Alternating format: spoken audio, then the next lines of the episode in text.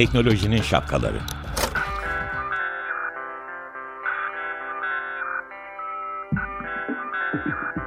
Bilgi ve iletişim teknolojileriyle güvenli ilişki için Banu Zeytinoğlu, Murat Lostar, teknolojinin tüm renklerini, siyah, beyaz, mavi, kırmızı şapkalarını konuşuyor.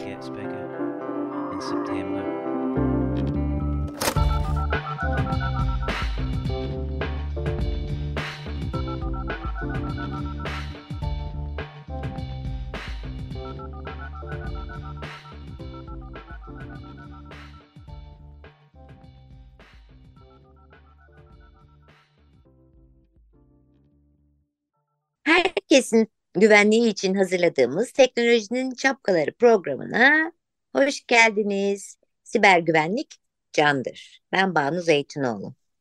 Ben Murat Lostar, iyi haftalar. Murat'cığım, e, hani benim bu yapay zeka takıntım var ya. Çok seviyorsun, evet. Hı hı, çok seviyorum, ters, çok seviyorum. Korkuyorum, öcü gibi geliyor. Fakat e, bir haber okudum. E, bugün yapay zekayı seviyorum. Neymiş haberi? Şöyle, sen duydun mu bilmiyorum ama dinleyicilerimiz duysun istiyorum. Pazartesi pazartesi enerji versin. Ee, Paul McCartney, Beatles'ın son şarkısı yapay zeka teknolojisiyle tamamlandı. Bu yayınlanacak demiş. Ne diyorsun? Herkes var Şimdi mı? John Lennon, Ringo herkes, Starr. bütün diyor ki e, efsanevi müzik grubunun son albümünün işte son parçası e, yayınlanacak. John Lennon'ın e, bir demodaki sesinin teknoloji sayesinde ayrıştırıldığını ve bu yöntemle şarkının bitirildiğini belirtmiş. Çok güzel. Ama şarkının adı yok. tamam onu nasıl olsa Lennon'ın demodaki sesinin. E, 1978 yılında bestelediği Now and Then adlı şarkıdan alındığı e, düşünülüyormuş. Buyurun. E, Bir Güzelmiş. Yerden de sinir oluyorum. Çakma Lennon gibi geliyor ama değil gibi falan. Yani bu konuda seninle bu programda çok tartışacağız. Tartışmayacağız ya konuşacağız bence. konuşuruz, tartışırız. Ee, bir de buna aynı şekilde yapay zeka ile içinde John Lennon'ın vesairenin de olduğu bir klip çekerlerse işte o zaman çok daha gerçekçi olur. Ki bence yaparlar yani. Bu yapay zeka onu yapacak tabii değil mi? Yapabiliyor. Ya hani oradan Evet, oradan görüntüleri alıp. evet. Çok acayip. Neyse. Ee, bunu başka bir zaman benim ben bunun üzerine birazcık düşüneyim. Ama şu şu şu şu da çok fena diye getiririm ama bugün mutluyum. Şimdi bu hafta ben e, bu tatlış konudan sonra başka bir şeye gelmek istiyorum seninle. E, bu yani seçim oldu bitti. E, biz konuşmadık. Ağzımızı kapadık seçimden sonra. E, ama şimdi son günlerde şimdi yerel seçimler geliyor. İster istemez ona konsantre olmak zorundayız millet olarak. E, son günlerde televizyonda falan tartışma programlarında çok konuşuluyor. Nedir o? E, Türkiye'de niye hala işte gidiyoruz da sandıkta oy veriyoruz da e, ıslak imza oluyor da niye elektronik oy kullanılmıyor da Amerika'da yapılıyor falan filan. Ve YSK'da açıklamış zaten geçenlerde e, demiş ki yerel seçimlerden sonra e, hazırlıklarımızı yapıyoruz. Ondan sonraki seçimler için e, şeye elektronik imzaya geçeceğiz. Çok güzel. Elektronik imzaya teknik olarak geçilir de güvenlik olarak nasıl geçeceğiz? Buyurun Murat Lostar. Şimdi Banucuğum, e, aslında seçimin elektronik olması bir sürü aşamada olabilir. E, önümüzde birçok ülke var. Uzun yıllardır e, işte nispeten teknoloji destekli, daha alışık olduğumuz seçimlerden işte e-oy diye Türkçe'ye çevirebileceğimiz yani oyun kağıda damga ile değil de bir cihaza yapılmasına kadar çeşitli yöntemler var. Hatta Amerika Birleşik Devletleri gibi bazı ülkelerde oy aynı zamanda e, uzaktan mektupla vesaire bile yapılabiliyor bildiğin gibi. Mektupla nasıl? Baya Evet. postayla mektup mu gönderiyorsun? Evet, postayla evet alıyorsun eline kağıdı ben şuna oy verdim gibi bir şey. Hazır kartpostal gibi bir takım şey var. Üzerine basıyorsun, katlıyorsun, sabit bir yere yolluyorsun. Orada açıp bakıyorlar. Ay, ama bu mesela bizim için imkansız. Neyse evet ben sözünü kesmeyeyim. Yok, rica ederim. Şimdi e, iki boyutta değerlendirelim. Birinci boyut şu ki benim çok desteklediğim, çok istediğim boyut. Biliyorsun, e, oy sayımında hep iki aşamayı konuşuruz. Birinci aşama, sandık başında oylar sayılır ve bu sandık tutanağı dediğimiz yere yazılır. Altına sandıktaki tüm görevliler imzalarını atarlar. Fakat ondan sonra bunların birleştirilmesi arasında ilçeye gönderilir. İşte geçtiğimiz seçimlerde hepimiz tekrar hatırladık bu bilgileri. Sandık birleştirme tutanağı diye bir yerde birleştirilir. Sonra onlar tekrar ile gider, tekrar Ankara'ya Yüksek Seçim Yüksek Seçim Kurulu'na gider. Buralarda hepsi birleştirile birleştirile gider ve nihayetinde so- bir sonuç ortaya çıkar. Ama sandıktaki görevlilerin e, hiçbiri bütün bu süreci kendi sandık oylarına kadar takip edemiyor. Yani Kendi sandık. ke- kendi sandık oyum için ben benim sandığımda 3 tane A'ya 5 tane B'ye oy çıktığı ilçede takip edemiyorum, ilde takip edemiyorum, e, Hı. e, genel seçimde takip edemiyorum. Neden takip edemiyorum? Çünkü orada konsolide oluyor, birleşiyor rakamlar. Dolayısıyla o toplam içindeki hangi 3 bana ait, hangi 5 bana ait onu bilemiyorum. Ama bu arada e, şöyle oluyor yalnız partilere gönderiliyor, ajanslara gönderiliyor. Onlar da bir toplama yapıyor, değil mi? Çok haklısın. Ama görevlilerin yani oraya gitmiş olan izleyicilerin ve veya e, şeylerin e, parti görevlileri değil bir yukarıdaki katmanda bunlar izleniyor. Oysa işin içine şeyi sokarsak, elektronik imzaya sokarsak yani e, tutanaklar resmi bir şekilde elektronik olarak imzalanırsa ve bu tutanaklar Türkiye'deki herkesin erişimi için e, Hmm. inter- yani açık bir yere konulursa o zaman isteyen her vatandaş, yüksek olasılıkla veri bilimiyle uğraşan bütün gençler ya da bu işe meraklı herkes, bilim adamları çok daha farklı incelemeler yapabilirler.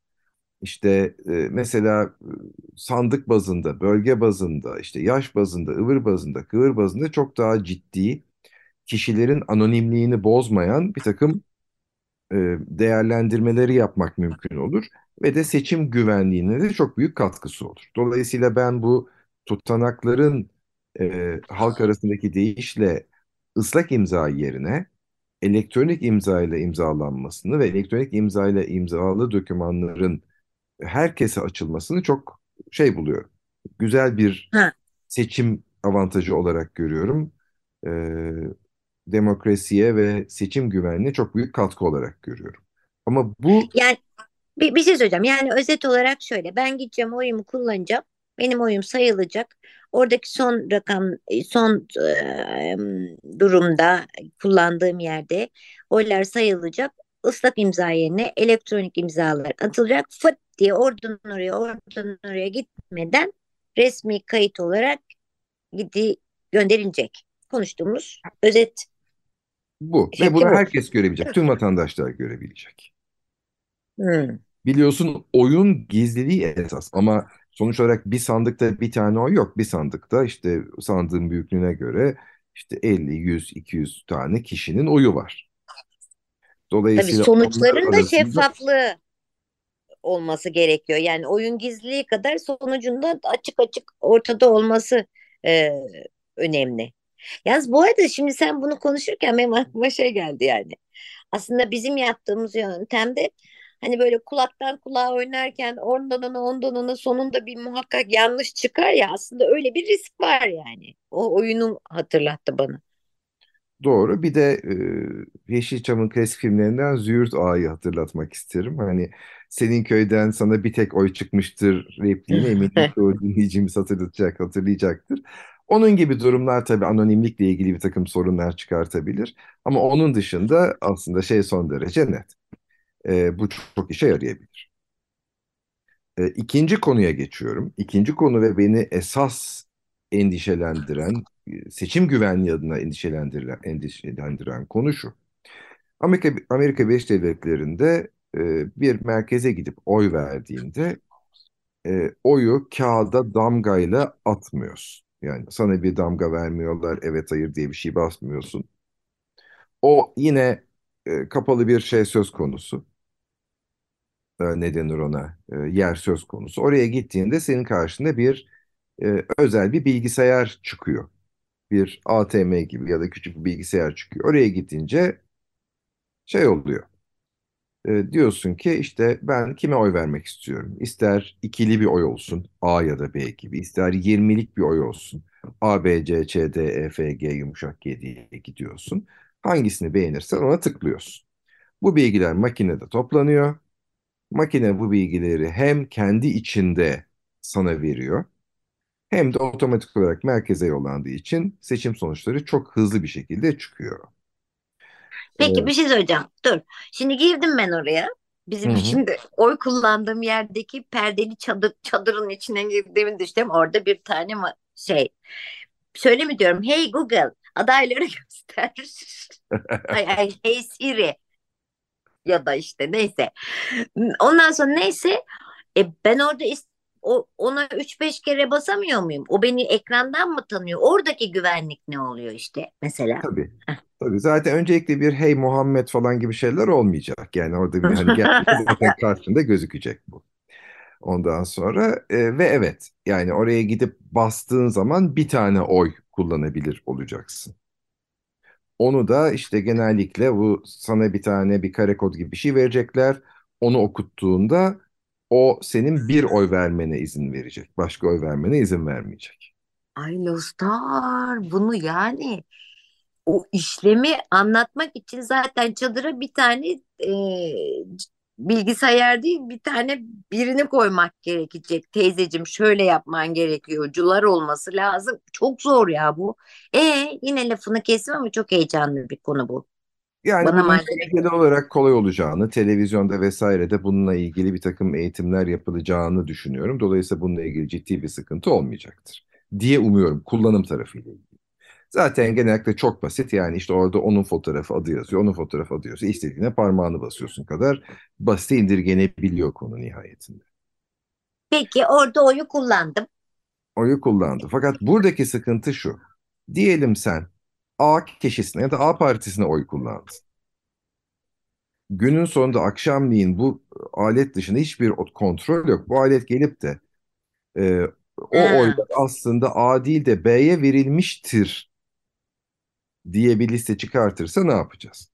Dolayısıyla nasıl ki oylara güvenmiyoruz. Amerika'da da en çok yaşanan sıkıntılardan bir tanesi cihaza güvenmeme konusu. Çünkü cihaz da zaten işte e, sizin e, hayattaki en şahane varlığınızın nedeni lerden biri pardon pot kırmayayım. E, saldırı olur, atak da olur, olur olur her şey olur yani. O güvenlik nasıl sağlanır? Tabii saldırı dışarıdan virüs, virüs gibi sıkıntılar zaten var. Çok haklısın. Ama başka bir sorun var. Ya bu makineyi tasarlayan ve ortaya koyan bambaşka bir yani bir partinin taraftarı birisi yaparsa bu makineyi ve otomatik olarak oyları o partiye doğru yönlendirirse bundan buna nasıl güveneceğiz? Yöntem şu. O zaman diyeceğiz ki işte makineyi yapmak yetmez. Aynı zamanda bir başka güvenilir bir üçüncü tarafta bu makinenin oyları düzgün hesapladığını, düzgün saydığını, bir oy saptırması yapmadığını teyit etmek lazım. O zaman da şunu sorgulayacağız. Şıracının şahidinin bozacı olmasa nasıl engel olacağız? E, peki bunu nasıl yapıyorlar? İşte bir miktar e, aslında hani Amerika'da da bu şey çok yoğun bir şekilde oluyor. E, nasıl söyleyelim? Bu tartışmalar çok yoğun oluyor ama tabii şöyle bir e, durum var. Hani demokrasiye olan güven, makineye olan güveni de beraberinde getiriyor bir miktar. Ve insanların e, e, ve partilerin seçim kazanma kaybetmenin ötesinde buna çok güveniyor olmaları söz konusu. Aynı zamanda bu sistemlerin sertifikasyonu, akreditasyonu çok yoğun bir şekilde yapılıyor.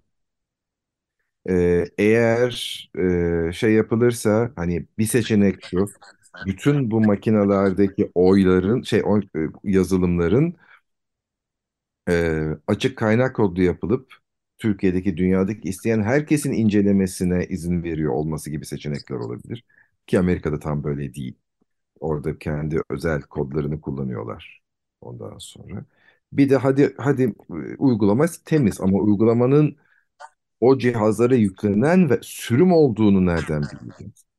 Sonra arkasından ona virüs bulaşmadığını nereden gireceğiz gibi sıkıntılarımız var. Hmm. Üçüncü bir şık daha var mı? Yol yani. Biri dedik, ikiyi dedik, üçüncü yok. Budur değil mi? O zaman ben bir şöyle bir gönlümüz ferahlasın. Yine beni daralttı sağ ol. Ee, Yani Muratcığım, var üçüncü bir şey daha. Bir de şu hani makineden çıkan ve merkeze giden bilgiler de bir kriptoyla korunmak zorunda. O kriptonun da kırılamaz olmasının garantisine ihtiyaç var. Makinede her şey mükemmel çalışıyordur. Virüs vesaire bir saldırı yapılmamıştır. Makineye yanlış sürüm yazılım yüklenmemiştir. Ama merkeze giderken birisi A'yı aldı B diye değiştirdi. Yani sistem uçtan uca çok ciddi tasarlanmalı ve yapılmalı. Dolayısıyla burada Yüksek Seçim Kurulu'nun bir kararını doğru buluyorum. O da önümüzdeki yerel seçimlerde bununla ilgili bir çalışma yapmayacak olmaları. Çünkü yerel seçimlere bütün bu sistemi düzgün kurgulayacak kadar zaman yok. Daha uzun bir süre bu konuda çalışması gerekiyor. Hayır sadece o değil bir de şey de yok. Ee, ya o sistemi tamamıyla kurmak için zaman yok. Hatta daha senin ilk söylediğin ve benim şu anda gönlümde yeri e, var olan e, sadece sandıktan sonra ıslak imza yerine ele- elektronik imza kullanılması gerekenin de e, şey yok. Hani onu da onu sistemi bile kuramazlar. Ben bugün bir şey yapmak istiyorum. E, konumuz bitince e, şarkı yani bay bay deyip sizlere sevgili dinleyiciler seçtiğim parçayı da babalara gö- hediye edeceğim. Onun için bu şeyi bölmeyelim şarkıyla diyorum. Peki e, Peki. onu o kadar çabuk yapabilir miyiz? Yani orada ben onun sisteminin kurulmasında yani şey olarak da sorun yok. Yani her sandık yerine bir e, alet getir koy maliyeti de yok onun, değil mi?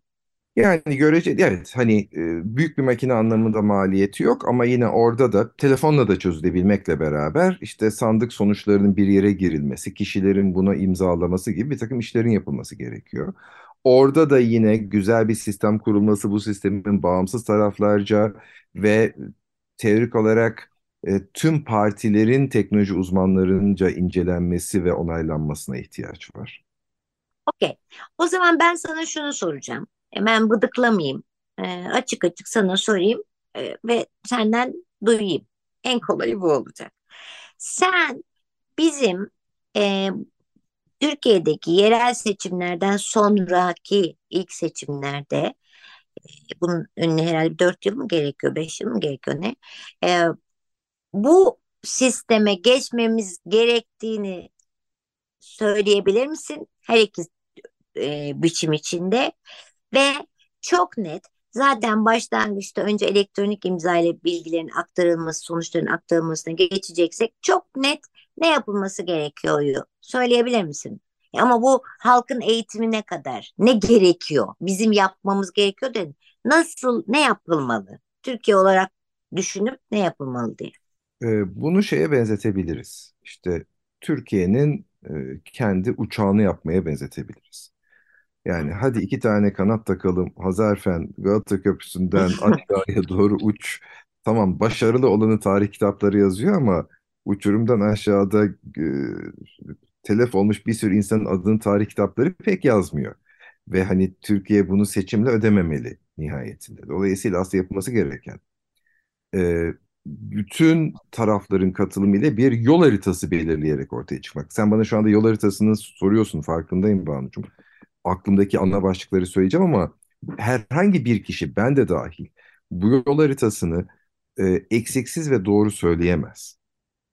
O yüzden aslında ilk yapılması gereken şey e, elektronik seçime, daha güvenilir seçim için yapılması gereken için herkesin bir arada olduğu, taraflar üstü, partiler üstü bir yapı kurulup bunun çalışılması gerektiğini düşünüyorum.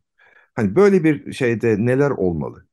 E, birincisi çok net bir şekilde e, hedeflerimiz ortaya konmalı. Yani nereye gittiğimiz kabaca herkes biliyor ama hangi aşamada yani fazları belirleyip birinci fazda şunu elektronik hale getireceğiz. İkinci fazda üzerine bunu ekleyeceğiz.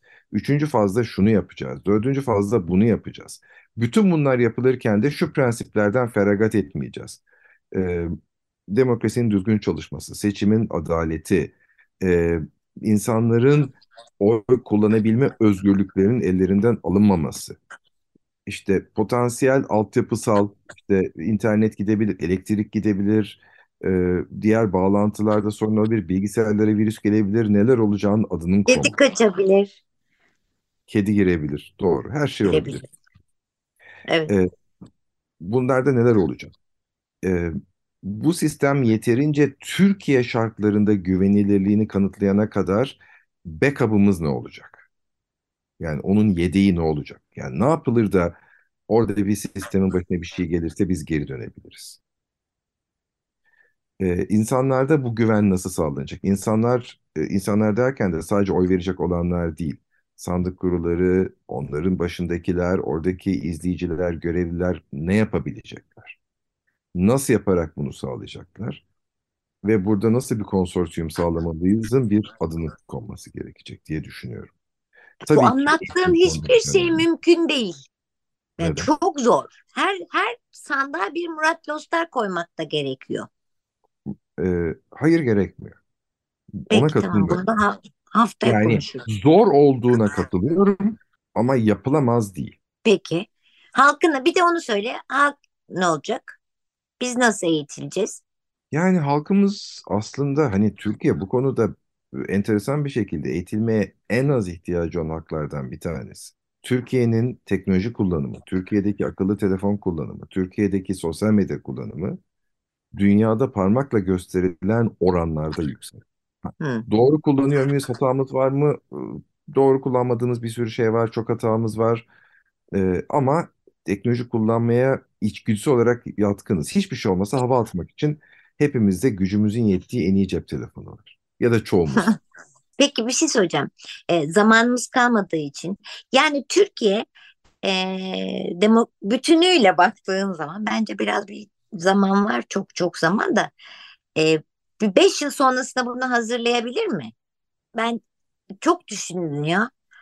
Çok düşündüm. Haklısın çok düşündüm. Çünkü aslında dilimin ucuna kadar gelen şey şuydu bana. Bu altyapıyı hazırlarsın. Bu altyapıyla bir şeyleri kurgular çalışmasını sağlarsın. Ama hani aslında hemen her şeyin temeli eğitim şartı Demo. gelip buluyoruz bir yerde. Ha bir de ben- sen dedin ki demokrasinin tam e, işlediğinden emin olman gerekiyor dedin yani. Falan filan. Ay süre bitiyor şarkıyı da çalacağız. Acaba haftaya ucundan biraz devam eder miyiz seninle? Memnuniyetle. Bizi takip etmeyi sakın unutmayın. Her, her pazartesi sabahı buradayız. E, saat 10.30'da podcastimizde bütün podcast kanallarında. E, bütün babaların dünkü babalar gününü kutluyorum. E, hepsine özellikle Murat Lostar'ın babasını çok severdim. Onun kutluyorum Murat'cığım. Senin de e, babalar gününü kutluyorum. E, hepinizi, bütün babaları sevgiyle kucaklayarak bugün programa son veriyorum. Ve de veriyoruz tabii. E, Boney M. Boney M'den Daddy Cool. İlk aklıma o geldi. Ne çalsak deyince hop o geldi. Dinledim de özlemişim. Hadi siz de dinleyip sevgili dinleyiciler biraz böyle özlem giderim Boney M'le. Haftaya görüşmek üzere. Hoşça kalın. Hoş kalın. Haftalar.